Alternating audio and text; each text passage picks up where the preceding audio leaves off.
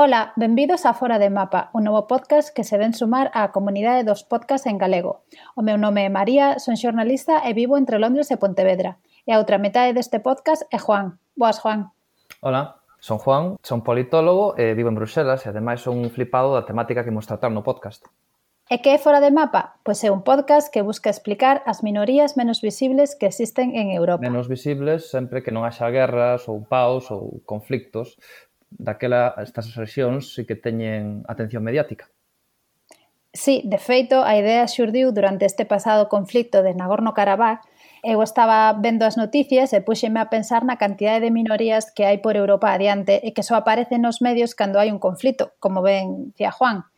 E a partir de aí comecei a lembrar as nosas viaxes e as moitas anécdotas relacionadas coas minorías nos países polos que andivemos. Sí, non? Como aquel taxista flipado que nos armou un espolio en Tesalónica por dicir a palabra eslavo macedonio. Empezou a berrar, there are no slave Macedonians, we sí, are the only Macedonians, we are the authentic Macedonians. Pouco flipado demais o taxista. Eh, bueno, a xente, sí, a xente, sí. Vivín ali un ano e son un pouco revirados, sobre todo co tema macedonio e tocas o nervio eh, e modéstalles. Sí, sí, xa nos damos de conta o andar por, por Tesalónica. Mm. Bueno, e por contextualizar, segundo a enciclopedia dos grupos étnicos de Europa, hai máis de 100 minorías espalladas polo continente, e pareceunos que ben merecen un pouco de atención. Así que a idea do podcast é adicar cada programa a unha minoría ou a unha rexión. Ademais de falar nós, é a idea entrevistar en cada número a xente que sabe sobre a minoría en cuestión cando se poida. Cando se poida. E ademais outra motivación é crear uh, contido en galego sobre temas que penso que nunca foron tratados nun podcast en galego. Non son o maior especialista, pero dame que non. E así de paso tamén amosamos que se pode falar de toda a nosa lingua, tamén de minorías perdidas por Europa, eh, a vez que nos falamos en galego sobre, non sei, sobre os xudeus de Tesalónica, por exemplo, pois espero que tamén haxa podcast en Caxubio ou en Frixio que traten sobre a realidade galega ou sobre os galegos como povo. Pois esperemos que sí.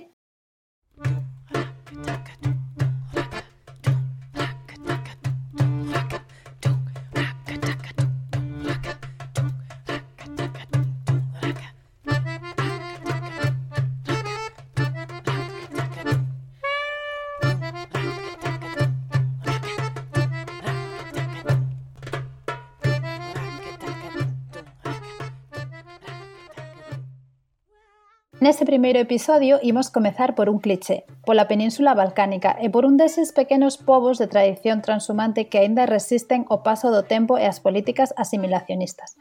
Os blacks, ou balacos, ou arrumanos. O nome, aínda que non o pareza, ten a mesma raíz que Gales ou Valonia, e vendo protoxermánico Walhas, que servía para nomear os povos que non usaban a lingua xermánica como é o caso. De feito, esta denominación empregábase para todos os povos que falaban unha lingua procedente do latín na zona, como os, os humanos hoxendía. Pero, como os humanos agora teñen un estado propio, os veciños xa os chaman desa maneira. Bueno, cada un a súa maneira, pero chamanlle os rumanos rumanos. Mas pola contra, a, a minoría rumana en Serbia, que fala unha especie de dialecto occidental do rumano, ainda é chamado, ainda chamada Blag, Pero hoxe imos falar dun grupo específico que son os arrumanos. Son un grupo étnico que vive nos sur dos Balcáns, falan a lingua rumana, armaniasti, que é un idioma intelixible para os rumanos de hoxendía, unha especie de rumano arcaico e que é usada por alrededor duns 400.000 falantes, 300.000, bueno, nunca se sabe exactamente, pero sobre uns 400.000 falantes en Albania, Macedonia do Norte e Grecia principalmente. De feito, entre os arrumanos existen dúas variantes, o arrumano estándar, digamos, e o megleno-romanés, que é un dialecto falado por unha pequena comunidade que habita na fronteira entre Macedonia do Norte e Grecia, alrededor da vila de Gezgelia. Non sei se cho sona algo este nome. Pois, quéreme sonar, pero non teño ni idea de que. Pois eh, ali, ese sitio fixose bastante visible, bastante famoso porque quedaron centos de miles de refugiados que trataban de chegar a Europa Central seguindo a ruta balcánica, quedaran ali entalados, eh, houbera algún morto, eh, bueno, houbera unhas imaxes sí, sí. un pouco desagradables, lamentables. Sí, xa me mm. As imaxes bastante vergoñentas, sí, mm. sí. Imos escoitar agora un falante de cada unha destas variantes das que do rumano das que falaba Juan e veredes que soa prácticamente como rumano. Bună, mi cheamă Fania Pana, esco romana din Macedonia, farșiroată, din Struga, din Bela de Supra. Estou os canto un cântico velho armanesc. Neste primeiro audio escoitamos a unha muller de Macedonia do Norte da cidade de Struga que fala o que chamamos a rumano común. E no seguinte audio escoitaremos a un home do norte de Grecia que fala o megleno romanés. Mora me marera ua a spulativa. E si via a scuola lapo, aia cea buca, ci vinea apa, a ci ubătea din suantoarnă mora. Toate ma si sparsară, toate seara masară. Os arrumanos viven por todo o sur da península balcánica, principalmente en Grecia, Macedonia do Norte e Albania, na que tamén hai pequenas comunidades en Bulgaria ou en Serbia. E habitan tradicionalmente as zonas montañosas destes territorios, maiormente a cordillera do Pindo, do Pindo que se estende desde o centro de Grecia hasta Albania, e alrededor do río Vardar. Metsovo, digamos que é a súa capital non oficial. E falando de Metsovo, lembrome desa viaxe polo norte de Grecia cando no 2019, cando sen planificalo, fomos dar precisamente a esa cidade, a Metsovo, sí, que fixemos así unha parada Sí, unha paradiña inesperada, ben agradable e, e prestounos bastante, porque ademais é un sitio moi, non sei, moi chulo. Mm. E supoño que estes días todo, todo nevado estará bastante... Sí, está espectacular. Sí. E se non me engano, é ademais a capital dos deportes de inverno de Grecia, non? Sí, é algo así como a, a cabeza de Manzaneda, Oaxaca de, de Grecia. E ali teñen as súas terceiras ou cuartas mansións os oligarcas eh, gregos. Claro. Os oligarcas sempre van oligarcas a sitios malos. Náuticos, digamos, da industria marítima. Eh, ben, como é obvio, a día de hoxe os arrumanos, pois, na súa gran medida, na súa gran parte, vivirán en cidades como Salónica, Atenas ou, ou Corche, por exemplo. Eh, Uh, pero ainda existen comunidades vivindo nestas zonas montañosas. Eh, vivían aí ou viven aí porque buscaban zonas altas nas que protexerse mellor das continuas invasións que a península sufriu, como as dos eslavos, os búlgaros, os pechenegas, etc. E, por tanto, vivir en nesas zonas un pouco remotas tiña unha existencia bastante autónoma, xa que o poder de turno de Constantinopla, os romanos orientais ou os otomanos, pois tampouco tiñan unha gran capacidade para exercer un control completamente efectivo nestas zonas. Eh, e como vivía exactamente esa xente? Cales eran as súas principais actividades? A sociedade fundamentábase no pastoreo trashumante de cabras e ovellas tiñan rutas que cruzaban a península balcánica de norte a sur e mesmo chegaban a, a cidades como Odessa ou, ou Viena. E ademais tamén producían tecidos, sobre todo de lán, que exportaban a Italia e explotaban a madeira e a pedra. De feito, eu comprei nesa viaxe a Metsobo eh, un morteiro de madeira eh, e chamou a atención que había moitas moitas tendiñas, bueno, moitas non, había algunhas tendiñas de, de agasallos e case todos os agasallos eran eran precisamente de, de madeira. Sí, de madeira. Que había ali un, un rapaz vendendos moi moi simpaticón que, que era un flipado da Liga Española, pero nos quixemos facelo do Celta, pero pero nada, eh? No. Era do Madrid. No, igual non coñecía a Papadopoulos. O, o igual, igual, sí. igual o coñecía por iso non era claro. do Celta, porque non deixou pois un ser, medio, sí, a, a segunda opción. bueno, el, el era loitador e traballador. Sí, sí.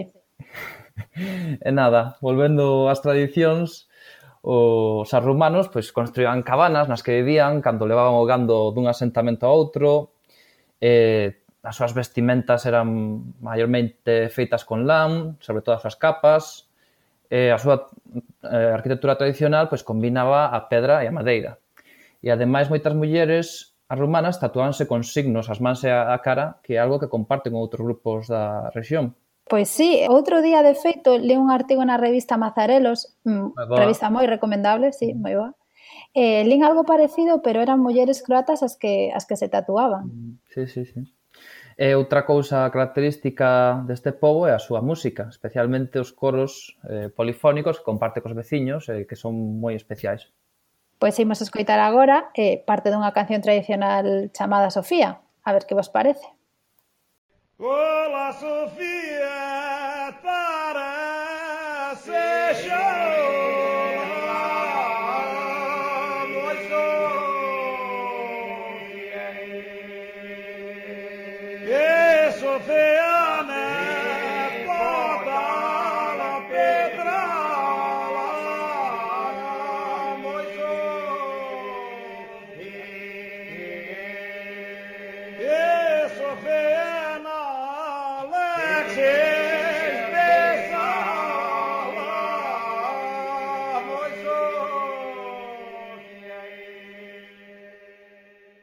Podíamos falar algo destes cores polifónicos que son, como vedes, bastante únicos, eh, orixinais, pero non temos moita idea da, da música tradicional balcánica. Sabemos o xusto. Sí, o xusto ou o, o menos, menos ainda. O menos, sí. pero bueno.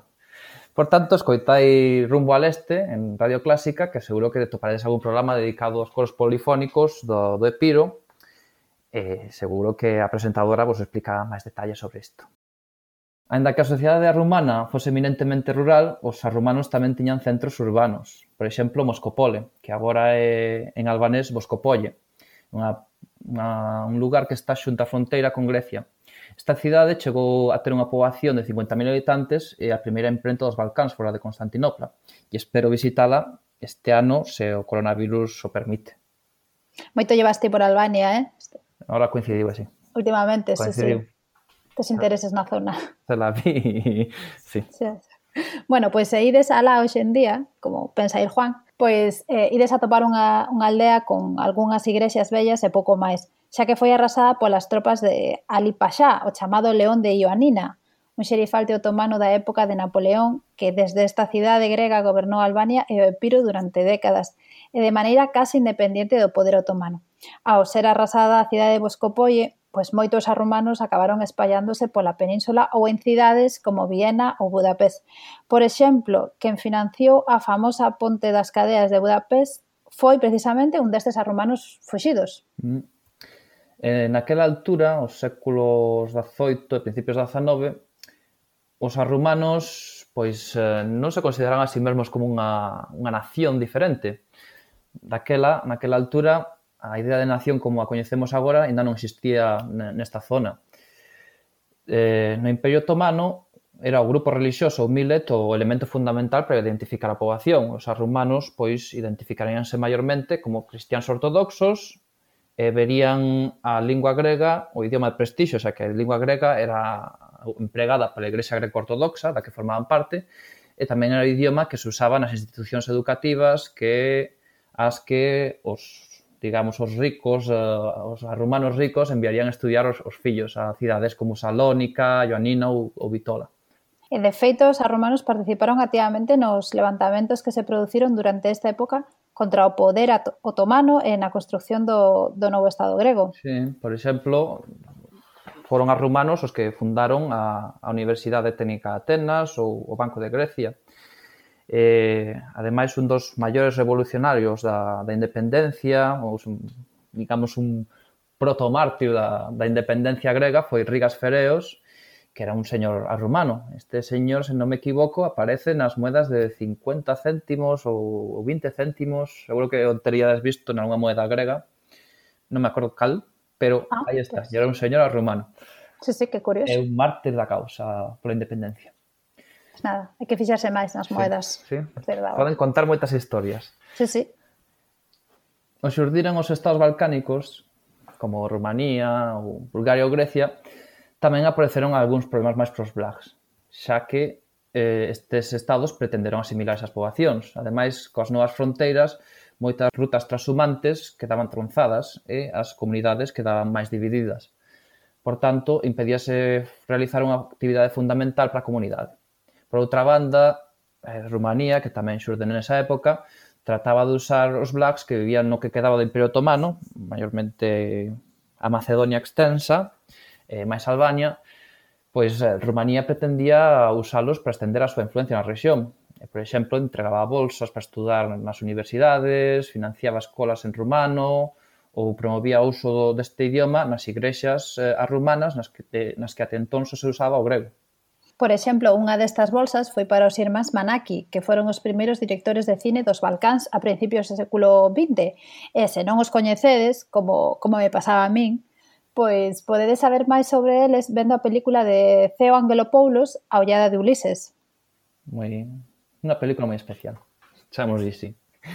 E ben, recapitulando, Rumanía pretendía estender unha visión da identidade a rumana como unha identidade autónoma, é ligada a, a Rumanía, os seus irmáns rumanos do norte, e non como unha identidade subalterna da nación grega.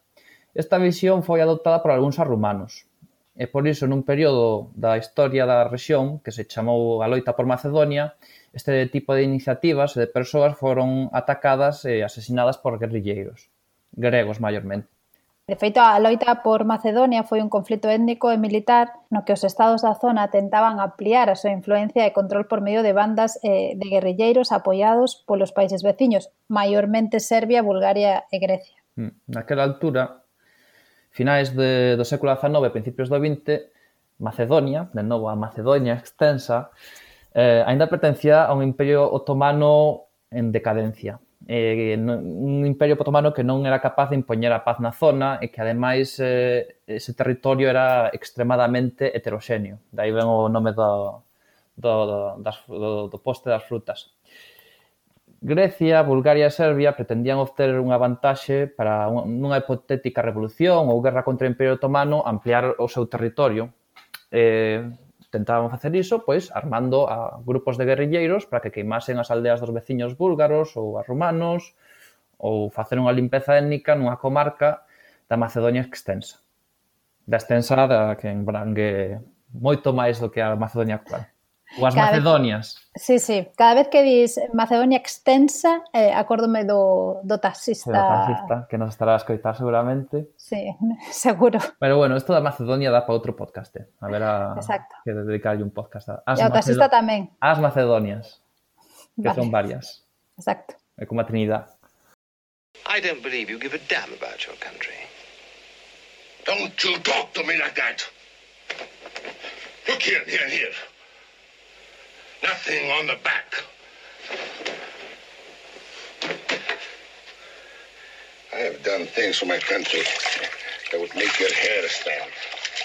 I have killed, burned villages, raped women. And why? Because they were Turks or Bulgarians. That's the rotten damn fool I was. Now I look at a man, any man, And I say, he's good, he's bad. What do I care if he's Greek or Turk? Isto que escoitastes é un extracto da película Zorba o Grego, na que o protagonista Zorba, ou Anthony Quinn, un macedonio, fala da súa participación neste conflicto. Esta situación de violencia étnica deu paso á guerra aberta cos dos conflictos balcánicos, a principios do século XX, nos que unha coalición de estados da zona, Montenegro, Serbia, Bulgaria e Grecia, eh, conquistaron case todos os territorios europeos do Imperio Otomano. En esa altura tamén, cando xurde máis ou menos as fronteiras entre Serbia, despois eh, Yugoslavia, Bulgaria, Grecia e Albania, que conseguía a independencia despois deste, destes conflictos. Por tanto, se antes os romanos estaban xa divididos entre tres estados, agora ia non estar entre catro.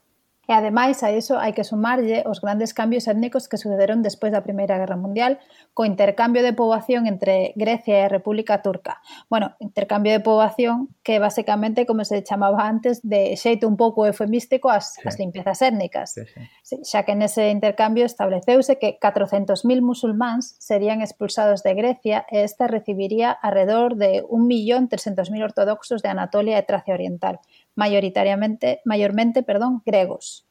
Unha poboación que foi en gran medida reasentada na recén conquistada Macedonia, a parte, a parte sí, grega, sempre. Sí. Agora sí. Para así, para así fortalecer a maioría étnica grega nun territorio no que aínda había centos de miles de blacks, eh, rumanos ou eslavomacedonios. E digamos que creando un pouco unha, unha poboación un tanto artificial, mm, digo. Sí, sí, sí. Un, bastante enxeñería étnica para sí, sí. para fortalecer a maioría grega. Nesa época de entreguerras non houve grandes cambios, quitando esta, este gran cambio que foi a chegada de centos de miles de refugiados do Imperio Otomano, ou do que quedaba do Imperio Otomano. Mais o Estado grego pois seguiu coas súas políticas de asimilación que se fixeron cada vez máis agresivas, até que este estado e toda a zona foron ocupadas polas potencias do segundo eixo na Segunda Guerra Mundial. De feito, os italianos tentaron crear unha milicia local, unha especie de estado títere na zona, xa, xa tentaron facer na Primeira Guerra Mundial, pero ah, nos, as dúas veces fracasaron completamente porque os arrumanos non lles fixeron moito caso. Os que se lle fixeron caso foron as, uh, o Partido Comunista Grego, o COCUE, e a súa guerrilla, que liberou o país eh, dos nazis nun, nunha acción heroica épica durante varios anos e que tiña o seu centro de operacións nesa zona poboada polos arromanos.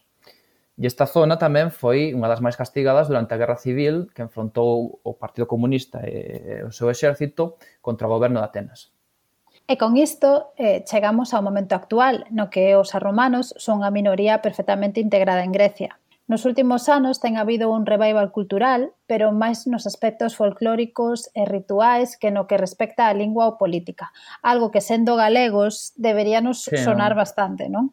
O típico das 10 palabras riquiñas que hai que conocer del gallego. Sí as tazas morriñentas e cosas así, pero sí, pero el gallego falalo sale. xa Bueno, o certo é que, que as élites arrumanas sempre se integraron moi ben na cultura dominante e mesmo tiveron protagonismo na vida política dos estados nos que vivían. Hmm. E a día de hoxe aínda existen presuitos contra esa lingua de pastores, tanto entre os propios arrumanos como entre os gregos. Por outra banda, parte dos arrumanos emigraron a cidades como Vitola, Ioannina ou Tesalónica. De feito, o último alcalde de Tesalónica, o polémico Yanis Butaris, era romano. Eu digo polémico porque creo que fora fora excomulgado polo, polo, polo arcebispo de Tesalónica, algo así. Era un, señor, era un señor especial, para o que é a política grega, era un señor moi, moi especial. A mí, a mí gusta, é un tipo. Claro. E ben, como sucediría noutros países, que seguro que vos sona isto, moitos pais non transmitiron a lingua aos seus fillos ou emigraren ás cidades por culpa claro. deses prejuizos contra a súa lingua porque o, o, galego, el gallego no sirve para nada. El típico de no le vayas a hablar en rumano al niño, que no te aprende el griego sí. y luego lo marginan luego, en la escuela. Claro, exactamente. Todo, día... todo igual en todas partes. Sí, non?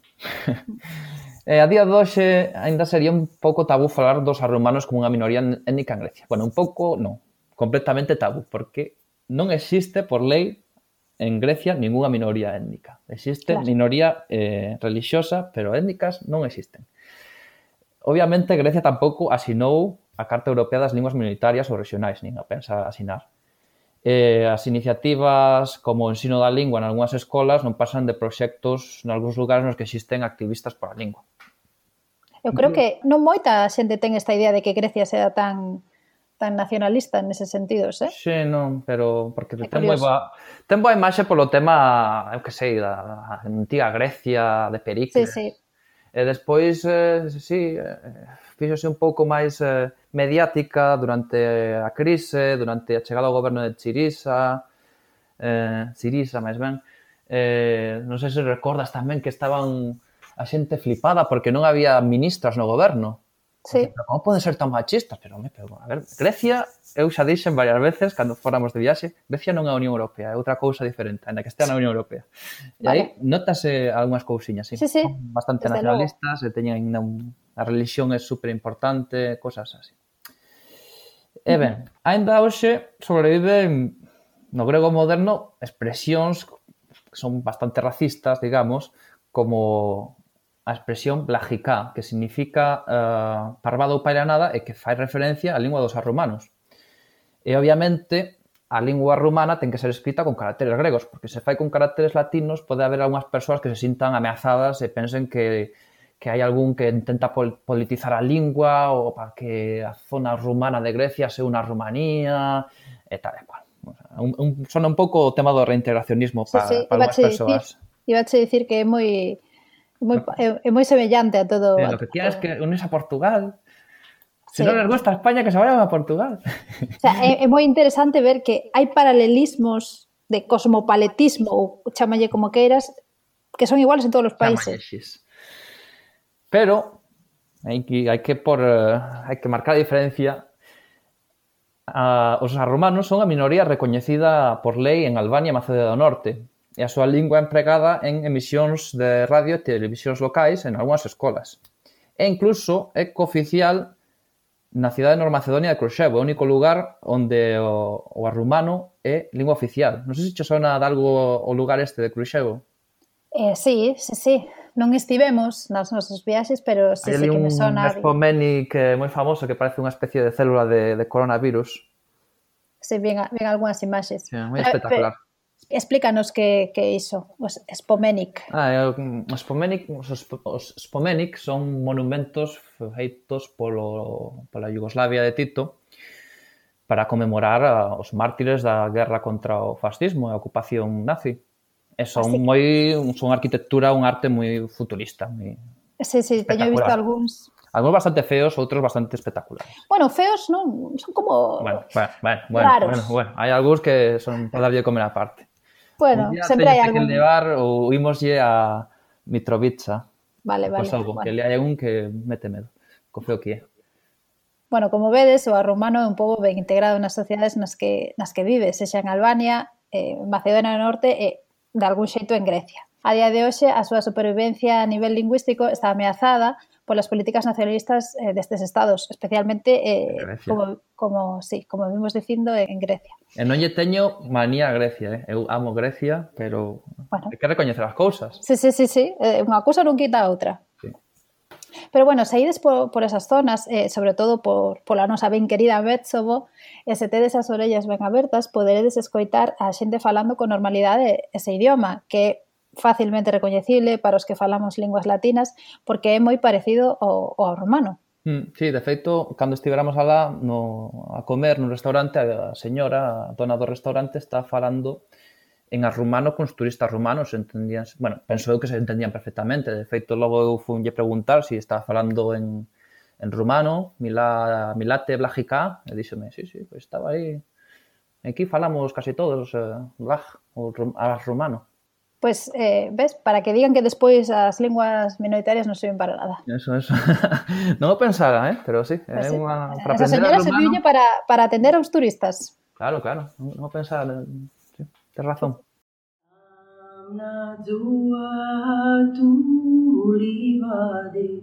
Stam na dzua tu livade, traci un giorno.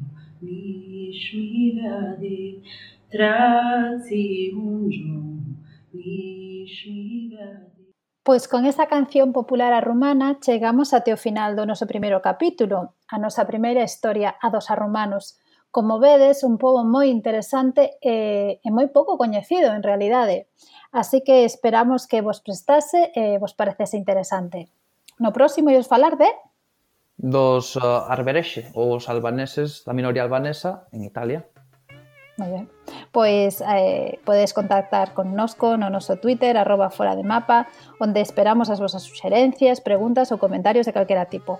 As ameazas a poder ser por privado, por favor. Non nos fagades como taxista este no. medio medio tolo de, de Tesalónica. No, no, é eh, que conste que non odiamos os taxistas, non temos nada en contra os taxistas. Eu fun taxista durante anos, é o negocio familiar a tope cos taxistas. Hai taxistas sí, sí. como a xente, non son todos eh, de extrema dereita.